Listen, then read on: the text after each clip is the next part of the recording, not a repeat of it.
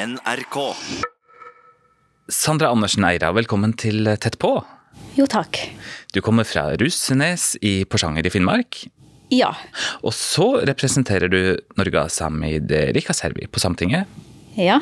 eh, Norske Samers Riksforbund, og så er du fisker. Ja. Og så er jeg mye, mye rart ellers også, men hovedsakelig det. Ja. Ja. Og det skal vi komme innom i løpet av eh, samtalen her. Hvordan går det med fiske? Akkurat nå så har jeg sett bedre dager, altså. Nei da, jeg stresser ikke så mye med det. Fiske vil alltid være variabelt. For meg litt ekstra variabelt, for at jeg har vært i oppstartsfase, og det har jo sine utfordringer. Men så har jeg vært en, en operasjon i disse koronatider som medførte ekstra ventetid. Men den er jo gjennomført, så nå er det egentlig bare å sette i gang på nytt år. Du opererte handa. Jeg har operert handa, ja. Det tok litt lengre tid. Jeg fikk forespeila to uker, og det ble seks måneder med rehabilitering. Ja, Så ting tar tid. Ja. Og når du nå er klart å ta fatt på, på fiske igjen, har du noe båt som venter på deg? Nei, nå har jeg vært og pønska og snekket litt i hele fjoråret med hjelp av eh, kameratene mine da, som også har vært og sett litt på båter. For jeg var jo i oppstart med båt, og så var det motorhavari og alt det koselige som hører med. Eh, det endte da med at jeg fikk eh, heva det kjøpet, heldigvis. Hvis ikke så hadde jeg jo tapt i hvert fall en halv million og vel så det. Og hadde ikke fått fiska det året uansett. Da får jeg bare starte på scratch, og så får jeg bare hive meg med vennene mine inntil videre da på noen turer hvis jeg får altfor mye abstinenser. Men planen din det er å kjøpe egen båt. Ja, det er det fortsatt. Ikke en stor båt. Jeg kommer ikke til å kjøpe en kvote til fire millioner, men en helt grei, enkel båt med kvoter som hører med, sånn at jeg kan fiske og gjøre de andre tingene jeg gjør ved siden av, uten at jeg eh, trenger å få hjerneslag med alt det økonomiske som hører med. Mm, Ja. Hvor mye må man eh, investere i båt og kvote for, at, oh. for at du skal kunne leve av det? Hadde det vært optimalt, og ideelt, så ville man jo investert i noen millioner. For eh, båten alene koster jo Den koster fort mellom 3 og 5 millioner skal man ha en 33-35 fots båt som er i god stand. Men for meg og mange andre i min situasjon som er i oppstartsfase, så vil man jo begynne med noe enklere og billigere. Og da må man jo i hvert fall se på en million før man er, har noe brukende. Og da snakker jeg bare om båten og det aller mest nødvendige utstyret alene, som da heller ikke er kjøpt nytt. Så det er kostbart. Og det er uten kvote. Det er uten kvote. Ja. Da har man en eh, standardkvote som hører med i åpen gruppe. Hvor mye kan du fiske da, i åpen gruppe? Da må du spørre år for år, for at de endrer det jo hvert år i desember. Så hvert år i desember får du vite hvordan neste år blir for deg økonomisk. Har du råd til å ha folk med deg eller ikke, sant? Eh, om du er mannskap, har rederen råd til å ha deg med eller ikke. Så det er veldig, veldig variabelt. Det er det mest uforutsigbare yrket som finnes, spør du meg da, på alle mulige måter. Så kvota er justert år for år. Det eneste som er ganske stabilt akkurat nå, er den tilleggskvota vi har fått til via Sametinget, som de har kalt for samekvota. Og den er på rundt tre tonn eller noe sånt. Det er jo en fattig trøst da, hvis det blir sånn for to år siden når de eh, halverte kvota. Altså når, når du plutselig får beskjed i desember om at neste måned har du halv inntekt, det er ganske alvorlig. Det sier seg sjøl at det er mange som ikke hadde råd til å ha folk med seg. Det er mange som ikke tjente særlig mye de kommende årene. da. Og de har jo prøvd å forsvare det med mye rart, men alt i alt så vil jo jeg påstå at det er ren utpressing av kjøttflåta. Vi Altså gjør det helt håpløst for oss å, å eksistere. Og da bare det samme som sentraliseringspolitikken. Skvis dem inn til eh, tettplassene, bli kvitt de små. Og det er jo vi som gjør minst skade også, og det er vi som faktisk gir mest til lokalsamfunnene også. Så det er jo litt sånn eh, skeivkjørt politikk. Hvorfor vil du da fiske? Fordi jeg elsker det. Jeg elsker å ha det dritt. Nei, altså Man må like å ha det litt dritt, skal man like å fiske. det, det er ikke til å skjule, altså. Man kan få migrene av mindre enn politikken og det økonomiske presset som er med vær og vind og endringer år til år. Og så er det jo sånn at jo mindre båt man har, jo mindre skal til for været er for dårlig til å gå ut. Og vi er jo ikke akkurat eh, blå himmel og sol i Finnmark eller Nord-Norge på vinterstid. Men så er det sånn da at jeg liker utfordringer. Jeg liker eh, å stå ute i hagl og minusgrader og stormer. Men jeg har friheter. Jeg har friheter til å styre min egen hverdag, jeg kan styre min egen jobb. Sant? Jeg kan tilpasse det til det jeg vil. Jeg kan fiske hvor jeg vil. Jeg kan fiske lam i hvem jeg vil. Og jeg elsker eh, samholdet som er der. Jeg elsker det egne lille verden vi skaper oss i fiske, fiskeverden. Når man trør på kaia og møter kollegaene dine, eller sitter ute i sjøen da og ser på nordlyset og en spekkhogger som bare svevde forbi. Jeg syns det er fantastisk. Så det er verdt det. Men alt til sin pris. Vi har ikke de samme godene som folk på en tråler har, med, med jacuzzi og flat skjerm og skiftordninger. Hvorfor jobber du ikke på tråler, da? Fordi jeg vil ikke være en del av problemet. Jeg kunne fint ha gjort det for min egen del, for jeg syns det er enkelt, jeg tjener bedre. Men eh, da igjen så er jeg med på å være en del av problemet, og da hadde jeg ikke hatt samvittighet til det. Og jeg kunne ikke gått og stått på en talerstol da i plenumssalen og fronta en politikk som jeg sjøl er med på. Nei, det, det, hadde ikke gått. Det hadde ikke gått. Så de får gjøre det, de som har lyst på pengene. Men uh, trålerne gir ikke noe til lokalsamfunnet, i hvert fall ikke mye. Det er private aktører som sitter og tjener grovt på det. Og så går det utover alle oss andre da, i kystsamfunnet. Er du den første i slekta som ehm, skal livnære deg av fiske, eller? Overhodet ikke. Vi har sjøfolk som i hvert fall 1000 år tilbake i tid som jeg har klart å spore opp som svart på papiret. da. Både norsk og samisk rein. I den norske så går det helt tilbake til Ragnar Lothbrok, som da var en kjent sjøfarer. Og siden da så har det vært eh, sjøfolk i familien. Og på den samiske greina så har det vært sjøsamer. Mange, mange år tilbake i tid. Vi har jo ikke de samme skriftlige bevisene som man hadde i det norske samfunnet. Men jeg vet eh, gjennom fortellertradisjon og gjennom bilder, så langt det gikk, at eh, jeg har mange forfedre som har vært på sjøen. Jeg vokste opp med det. Det er helt naturlig. Det er ikke noe fremmed. Kan du spore slekta di tusen år tilbake? igjen? Jeg kan spore det. Jeg kan gå helt tilbake til Ragnar Lothbrok og enda et par hakk før han. Men fra han da, altså tilbake i tid, så blir det litt mer vagt. Men han var jo en veldig kjent person, så det er veldig godt dokumentert. Og hele slekta etter han er veldig godt dokumentert. Og så er det jo et par hendelser i historien som fornorskninga og andre verdenskrig som gjorde at jeg ble til da. At de bevegde seg fra sør til nord. Så andre verdenskrig da, bestefar ble evakuert til Trøndelag og møtte min bestemor, og hun ble med opp til Finnmark etter krigen. Fornorskningsprosessen, en av Ragnar Losbrok sine etterkommere som fikk beskjed om å fære opp til nord og fornorske disse ville samer. Og det gjorde han jo veldig bra da han møtte på min formor, så her er jeg. Yes. Så det er også hell i uhell. Ja. Historien. Nei da, det er spennende. Hvis man bare orker å sette seg inn i historien og lære ut av den, så er det veldig mye spennende. Men eh, ja, jeg vil si at sjøfart og fiske ligger sterkt i mine gener. Ja. Det er jo et underskudd av kvinnelige fiskere. Ja. Hvordan er det å være kvinnelig fisker? Det skal jo si at fiske er ikke for alle. Uansett kjønn, det er ikke for alle. Man skal være spesielt interessert og som sagt like å ha det litt dritt da, for å ville fiske.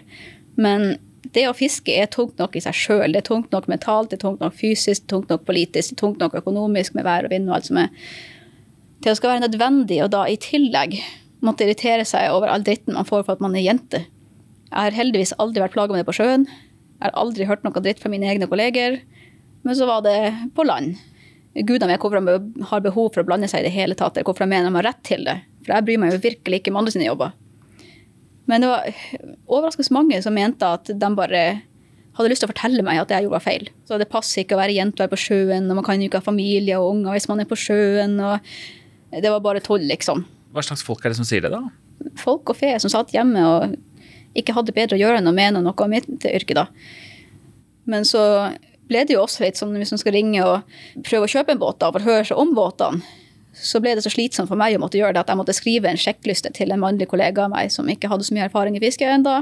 Og så får han til å stille spørsmål som han ikke hadde noe peiling på hva betydde, som jeg hadde skrevet til han, men da fikk han svar med en gang. For han ble tatt seriøst? Han ble tatt seriøst. Og så sånn jeg ringer og forsikrer båten, ja, men er du sikker på at du ikke har kommet feil? Ja, men hvis jeg kan forsikre båten min her, så har jeg ikke kommet feil, for det er det jeg skal. sant? Eller at man blir møtt eh, i offentlige etater med at du kan ikke være en omsorgsperson og jobbe på sjøen. Sant? Veldig gammeldagse holdninger fra den tida fiske betydde at da var man uten kommunikasjon og man var borte i flere måneder. Sant? Det er jo ikke sånn det er nå. Det var ikke før i 2018 at det var rettigheter på plass når det kom til fødsel og permisjon. Så hvis du da ville ha en unge, så ok, men da hadde du ikke noen form for lønning eller rettigheter innenfor fiske så lenge du gikk eh, gravid eller var i fødselspermisjon. Og det her ble altså ordna først i 2018? Ja. Så det er jo veldig, veldig, veldig nytt. Men heldigvis da, så, så har du ikke fått de her reaksjonene i næringa, skjønner jeg. Ønskes du velkommen der? Ja, der har jeg aldri hatt et problem. Der er det mer sånn, så lenge du kan gjøre den samme jobben som alle andre om bord her, så ok for oss. Så jeg har hatt fantastiske kolleger på sjøen. Jeg har møtt dem på fiskebruket og det som er, men der har jeg vært heldig, som jeg har skjønt det. For jeg har hørt mange historier fra jenter som ikke hadde det så lett. Altså Som får slengt dritt etter seg på kaia fra andre fiskere, eller blir både direkte og indirekte trua da, med seksuelle overgrep når de søker etter jobb. Så ja, vi har kommet fram til at vi ikke kan ha en jente med om bord. Vi er ute noen uker av gangen og vi vet ikke helt om vi klarer å holde oss. Hadde jeg hatt en kald øye, så hadde jeg klappa dem over øynene med det. Det er jo så dumt å si. Og det der er også ganske ferskt, eller? Ja, det her var nå i 2018. Og så hvis man da er langt ute på havet i en veldig liten båt og føler seg utrygg, da vil jo jeg også slutte. Men jeg har i hvert fall sluppet unna det. Det kan hende at jeg har vært heldig med dem. Den omgangskretsen her har valgt meg ut av. Men uansett så har jeg vært heldig der, har jeg skjønt. Russenes, hva slags sted er det? Det er en ufattelig liten bygd. Det er jo stort sett bare de som har primærnæring som ble igjen da. Så vi har sjøen foran oss, fjellet, skog bak oss. Så vi har jo vokst opp da med det folk kaller for friluftsliv, uten at vi så på det som en tittel. Det var bare sånn vi levde. Vi hadde hester, vi hadde reindrift og det og fiske og det. Vi kunne fære på fjellet en, en uke alene når vi var åtte-ni år gamle, og det var ingen som brydde seg om det. sant? Eh, vi trengte ikke å være redd for noe annet enn rovdyr. Vi har jo vokst opp da med fortellertradisjon, som sagt. Og det ligger jo ganske sterkt da i bl.a. den samiske kulturen at man skal skremme vettet av ungene sine, så ikke de går dit hvor det er farlig, sånn at vi overlever. Ja. det er jo en oppdragelsesteknikk. For før i tida så måtte en faktisk jobbe hele dagen for å få det grønt. Sant? Man har jo ikke tid til å, til å underholde ungene sine som man har i dag. Og så var man jo gjerne flere søsken også. Man var jo ute og sprang. Vi var jo ute og sprang. Sant? Vi kunne fære og ro ut i en båt eller sette oss fast i kvikkleire der hvor det var det. Sant? Så da var det jo ganske viktig at de klarte å skremme oss nok til at vi visste at eh, ramler vi i en sump, så kan vi dø. sant? Mm. Og det sier det sjøl. Hvis de bare sier det, så vil vi dra og se hva det betyr. Men hvis de skremmer oss med noe grusomt og fælt, som, som drauger som kommer og tar oss sant, og bare røkker taket og står for nært, så er vi jo så redde at vi tør ikke. Eh, underjordiske som var i fjellene, hvis man klatrer på fjellene, sant, som ikke skal ramle ned 50 meter og dø, sant, mm. så må man skremme dem til å holde seg unna de tingene. Så da ser vi på det som kvalitetstid å sitte på ei reinskinn ute i skogen med et bål og fortelle historien og se der kjempestore øyne som bare Jeg kan være hjem til skole og barnehage og fortelle hva grusomt de har opplevd i Finnmark. det er jo litt artig. Har du gjort ting som foreldrene dine ikke var så glad for at du gjorde da? Altså, det gjør jeg fortsatt. I, naturen? Ja, hva da? Jeg fisker. Jeg skal ikke si at det var noen i familien min som var så veldig glad for at jeg begynte med det. Vi har jo vokst opp med at havet er farlig, og så er det jo fortsatt et av verdens farlige styrker. I hvert fall i sjarkflåta, for det er mindre båter, sant? de tåler mindre. Og man er ute på dekk og jobber. Eh, mange ganger er man alene og jobber også. Det er mye som kan skje. Og så er det mye dårlig vær og stormer. Så jeg husker da jeg var liten da, at mamma og tantene mine brukte å sitte med radioen og følge med på værmeldinga og prøvde å følge med på hvor onklene mine og søsknene mine var og fiska, og kjempenervøs for om jeg kom til å høre fra dem da når morgenen kom. Så det er jo vel mest det, da. At det er frykten for at man rett og slett skal bli en av dem som blir borte, som henger igjen fra før i tida. Det var jo veldig reelt at man ikke skulle ta for gitt at man kom hjem den dagen. Eh, nå er det som sagt veldig mye sikrere, men fortsatt uhell skjer. Så det er vel det som ligger i det, da. Og jeg forstår det jo på en måte det. altså Jeg ville jo aldri hørt på dem uansett, jeg ble jo fisker. Men jeg forstår jo det at hvis mine egne unger eller tantebarn nå hadde begynt å fiske, så hadde jeg sittet og vært redd for dem. Fordi jeg elsker å være der sjøl. Jeg hadde vært redd for dem. Men likevel er det en risiko som er verdt å ta, eller? Det er en risiko. Altså alt i livet er en risiko. Så det er absolutt verdt å ta, det er det. Men da må man også ta sine forhåndsregler. sant? Man må ha respekt for havet. Ditt drømmescenario, er det å bo på Russenes og leve som fisker? Altså, jeg har ikke bare én drøm. sånn jeg, Det er derfor jeg kombinerer alt. Så jeg har funnet min egen balanse, hårfine balanse, med å klare å kombinere alle de yrkene og prosjektene mine. med Politikken tar sin tid, fiskeri tar absolutt sin tid, og så er det familieliv. og Så skal man prøve å ha litt tid til vennene sine. Og så reiser jeg ufattelig mye. Så har jeg hatt sånn 360 reisedager i året. Men så jobber jeg også 360 dager i året. Altså Det er bestandig variabelt. Jeg møter nye folk på nye plasser og må gjøre nye ting, så jeg rekker aldri å bli lei og se på det som en jobb. Kontra hvis jeg måtte gjort den samme jobben 360 dager. Da hadde jeg nok sikkert Sitte på et kontor? Kjent på det, og det, det hadde ikke jeg klart. Nei. Det hadde ikke gått. Det, det ser jeg som en utfordring.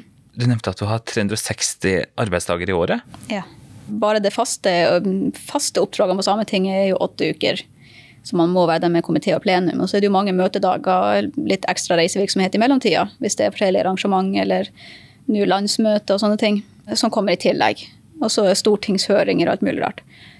Og som her om dagen så hadde jeg møte med fiskeriministeren og departementet. Så det er sånne ting som kommer imellom de faste. Og så er det jo fiskeri. Der må man jo jobbe stort sett hver dag. Vedlikehold av båt eller innhenting av utstyr eller flytting av båt. sånne ting. Spesielt på vinteren må man passe på båten når det stormer. I tillegg til de dager man faktisk må være på sjøen og fiske inn det man skal ha. Nå studerer jeg paramedics i tillegg det er tre år bachelor. Så det holder jeg på å studere på privaten. Og så jobber jeg på sykeavdeling, legestasjon, sånn i mellomtida nå mens jeg venter i koronatida, operasjon og sånne ting. Og så har jeg praksistida innenfor helse- og omsorgsetatene. Og så drev var styrt med en dokumentar, en italiensk dokumentar som går på det her med kvinnelige fiskere i forskjellige land i verden. Og det har jeg jobbet nå i fire år. Og så har det vært forskjellige medieprosjekter jeg du sendt rundt omkring på forskjellige arrangement. og Det kan være en festival i Kjøllefjord, det kan være kunstutstilling i Lillehammer. Det er forskjellige prosjekter jeg er med på som jeg blir hyrt inn til å gjøre. Så da fylles kalenderen opp eh, i full fart, skjønner jeg? Ja, det, det, handler egentlig bare om å tilpasse livet sitt til det man har lyst til å gjøre. Så nå f.eks. sitter jeg bare og venter på at grensene til USA skal åpne, så fyker jeg dit og gjør det jeg skal der. Hva skal du der, da? For det første skal, skal jeg bare leve og besøke venner og familie som er der. Men så jeg ha blitt invitert til å fære på en liten turné da, til nesten alle stater. For å eh, hilse på amerikanske samer, altså norsk etter amerikanske samer holde et par foredrag på noe universitet og en radiosending og sånne ting. Hvordan kom du bort til det? Jeg oppdaga plutselig at jeg har et søskenbarn i USA som da kobla meg inn i en Facebook-gruppe som han hadde oppretta for amerikanske samer. Det bare tok fyr. Men når du skal på en eh, foredragsturné i USA, hvilket eh, inntrykk ønsker du at de skal sitte igjen med? Altså for det første syns jeg det er fantastisk at folk i hele tatt har interesse for å lære sånne ting. At de skjønner at vi lever faktisk veldig moderne. Eh, vi har enda mange av tradisjonene som henger igjen, men vi lever i et moderne samfunn. Vi følger moderne teknologi. Det er sånne ting som, som jeg syns er viktig å legge vekt på. da. Og vi er veldig heldig stilt kontra urfolk i mange andre land. Sant? Vi er ikke satt i egne reservat. Eh, vi har samme lønn, vi har samme rettigheter. Vi er en del av samfunnet på lik linje med alle andre. Du, du, har vært innom at du har så mange baller i lufta. Nå sitter vi i Tromsø. Hvor mye er klokka? Kvart på tolv. Hva, hva, har du gjort i dag? En søndag formiddag? Altså for det første så visste jeg verken at det var søndag eller klokka var kvart på tolv. Sånne ting har ikke så mye å si for meg. altså, Jeg har ikke helg og ferie og sånne ting. Jeg trenger ikke det. Jeg ser ikke behovet for det, for hver dag er på en måte det. Jeg trives med det jeg gjør. Men jeg starter jo dagen hver dag i fire-fem-tida. Så jeg starter jo som regel dagen min da med frokost, trening, dusj. Og så går jeg gjennom eh, sosiale medier og mailboks og telefon, det som er. Og så i dag for eksempel, så visste jeg at jeg skulle dra til Tromsø, være med på det her. Og så får jeg plutselig snap av søstera mi at hun hadde punktert sin Boeing 737 i Afrika. hun er jo pilot, da. Og akkurat nå så var hun i Afrika, og der hadde de tydeligvis ikke utstyr til å fikse et punktert dekk på et stort fly. Så da måtte de få hjelp av UN for å få det til. Og så kom jeg da til å besøke min bror, som for så vidt jobber for et selskap i USA. Jeg eh, har prata med søskenbarnet mitt, og han er da polfarer, eventyrer, ekspedisjonsleder til Nordpolen, Sørpolen. sånn at har, Det er min normal. Når du er ferdig her, hva, hva skal du da? Ja, da, skal jeg kjøre, da skal jeg bare svippe innom broren min og skal kjøre til Finnmark. Til eh, Russenes. Så det blir jo en ti timers tur. Alt er relativt. I ja. Finnmark så er det ikke så store avstander hvis man må kjøre tolv mil for å komme til butikken, altså én vei. Og det må vi jo faktisk. Bokstavelig talt. Altså, ja, det må vi må det. Det er bokstavelig talt i hvert fall ti mil. Det kommer an på hvilken plass du skal til. Men det er mellom ti og tolv mil, da. Fra Russenes til nærmeste butikk? Eh, ikke matbutikk. Da Nei. er det syv mil. Så okay. det er nærmere. Legg merke til at det er én vei. Men skal du til andre butikker enn matbutikker, så må du jo ti til tolv mil én vei. Vi lever jo i en tid hvor det er mange som trekker inn til byene. Hvorfor er det viktig å holde liv i bygdene? For det første så har ikke jeg skjønt det da med hvorfor han skal trekke inn i byene. For at det er masse bråk og støy og forurensning, og så må man betale tre ganger så mye for å bo på veldig lite plass. Jeg syns det er fantastisk fint å bo ute i distriktene.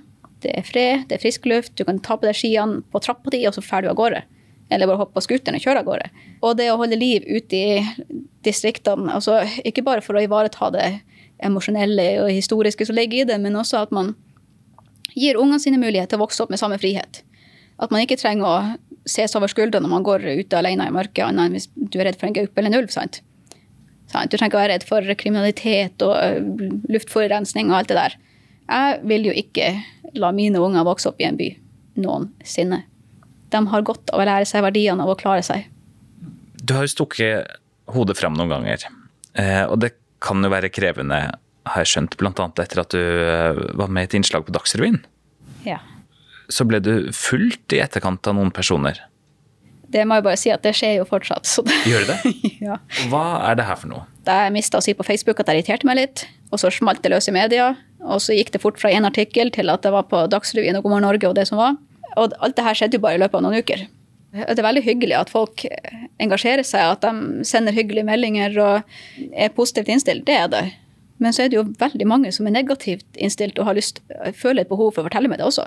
Altså Folk jeg ikke kjenner i det hele tatt, som bare har lyst til å kommentere noe negativt. Jeg skjønner ikke det, men hvis de føler at de har rett og, og lyst til å gjøre det, OK. Alt ifra at de legger igjen meldinger på telefonsvareren, til at de kjører forbi huset og tar bilde ut av det, til at de kommer inn og kjefter på meg når jeg sitter på en kafé. sant? Min holdning er at hvis jeg scroller på Facebook og ser noe jeg liker, ok, så trykker jeg liker, og så kommenterer jeg noe fint, og så blar jeg videre. Og hvis jeg ser noe jeg ikke liker, så bryr jeg meg ikke. Det er ikke min sak. Jeg har ikke behov for å fortelle at jeg ikke liker det, så da bare scroller jeg videre. Mm. Så jeg skjønner ikke helt at folk har behov for å, å være nettroll eller et eller annet. Men når jeg da begynner å oppsøke deg sånn på et veldig aggressivt nivå, negativt Ikke sånn folk som har lyst til å komme og gi deg en klem og si hei, stå på videre, det er hyggelig. Men når de begynner å oppsøke deg og forfølge deg og sende brev til kollegaene dine eller legge ut masse statuser på Facebook og kommentere alle artikler du er med på, alt er negativt, så blir det sånn der Hvorfor bryr deg? Så det er mange ting da som er merkelig å måtte forholde seg til, som jeg ikke har måttet forholde meg til tidligere. Det tærer jo på, det gjør jo det. Jeg har jo likt å leve veldig fritt. Og så plutselig så må man faktisk tenke over om noen står og ser inn i vinduene dine. Har du anmeldt det, eller? Mange ganger så har jeg anmeldt det.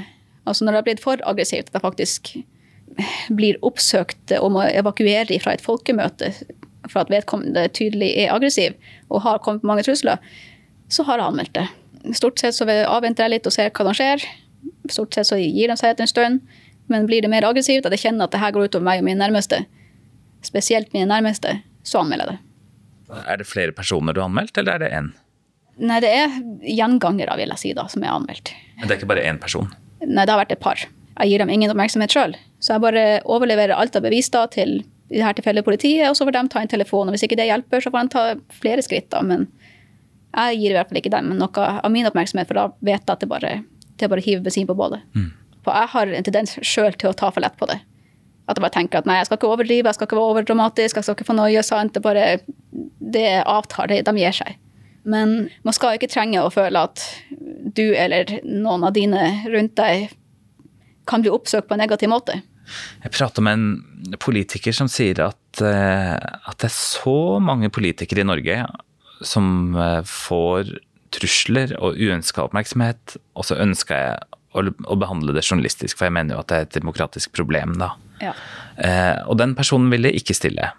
Vet du om andre som har opplevd lignende ting? Det er helt sikkert mange som opplever det. Men altså for det første så skjønner jeg det at hvis man er en offentlig person som en politiker er, så har man ikke lyst til å få negativ oppmerksomhet rundt seg sjøl, for at man er jo sin egen salgsvare og alt det der, sant. Og i tillegg da, for min del så handler det spesielt da om det at jeg har ikke lyst til å virke hysterisk. Jeg har ikke lyst til å være sånn der 'å, stakkars meg'. Og jeg vet jo sjøl også at hvis folk hadde fortalt det, så var det sånn der 'ja, du overdriver sikkert litt'. Men så igjen så kommer det til en ny grense hvor som sagt, når jeg føler at det ikke bare er meg det går utover, men også dem rundt meg, at jeg setter i en ikke nødvendigvis fare, men i en negativ situasjon. At de står i fare for å bli oppsøkt, dem også på en negativ måte. Eh, da går jeg rett til politiet med det. Jeg kan gå gjennom mye rart, men det skal ikke mine nærmeste gjøre da pga. meg. Så der håper jeg på at man kunne begynt å slå litt hardere ned på det. Da hadde jo stalkere og nettroller det som måtte gi seg, for det får konsekvenser for dem. Uh hvordan er det for deg? Er du stolt over å være same? Ufattelig stolt. Men jeg går ikke rundt hver dag og tenker 'hei, jeg er same'. Så det presenterer meg ikke til folk med å si 'hei, jeg Sandra, jeg er same'. Men jeg har vokst opp med, heldigvis med å ha mye av tradisjonene og eh, fortellertradisjonen spesielt veldig sterkt ivaretatt. Altså, jeg elsker å gå i kofte. Jeg ser ikke noe negativt i å bruke kofta om så er i utlandet. Sant? Det gjør ingenting. Jeg har aldri ikke vært stolt av å være same. Jeg har mange ganger måttet kjenne på at folk ikke liker at jeg er same. Mange rare blikk og kommentarer som blir slengt. Det er bare trist egentlig at de er så uviten. Men nå har det blitt veldig populært da, å være same. Nå har folk eh, i utlandene, mye pga. TikTok og andre sosiale medier, de syns det er så eksotisk og så spennende. Jeg la ut én TikTok-video som hadde sånn en halv million eh, views og sånne ting, hvor folk tok helt av og syntes det var så fint og flott. Så sosiale medier har bidratt til at folk har eh, blitt nysgjerrig. da. Oi, det er noe som heter samer. Det her var interessant. Så da pga. sosiale medier, filmsnutter, bilder som deles, det har blitt kjempekult plutselig. med urfolk. Ok, Så du la ut en video på TikTok som en halv million mennesker så. Ja. Hva gjorde du der? Dattera mi sto med ryggen til med kofta på på konfirmasjonsdagen sin. Og så sto hun oppå en sånn liten fjellknaus med sjøutsikt. Og så hadde jeg en sang til. Og det var det. Yes. Det var det. Man så ryggen av kofta hennes.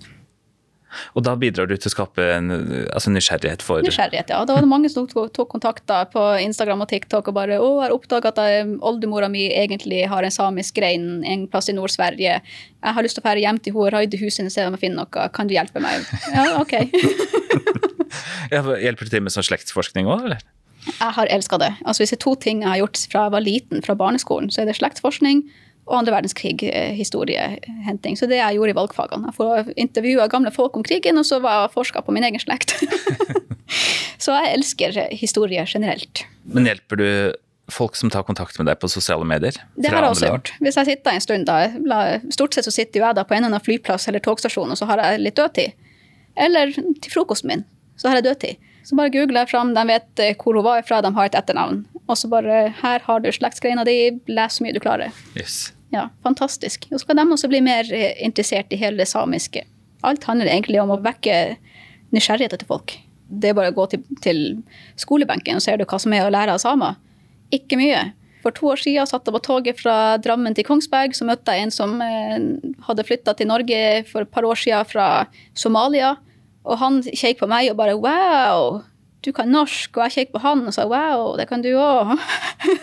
så viste det seg at de hadde lært da at samer fantes bare i Finnmark. Det var et fåtall samer som kunne norsk, og de var i Oslo. Men resten kunne ikke norsk. Vi hadde bare rein i Finnmark. Så der er vi når det kommer til utdanningsnivået i Norge om sitt eget urfolk. Ja. Men du er jo sjøsame.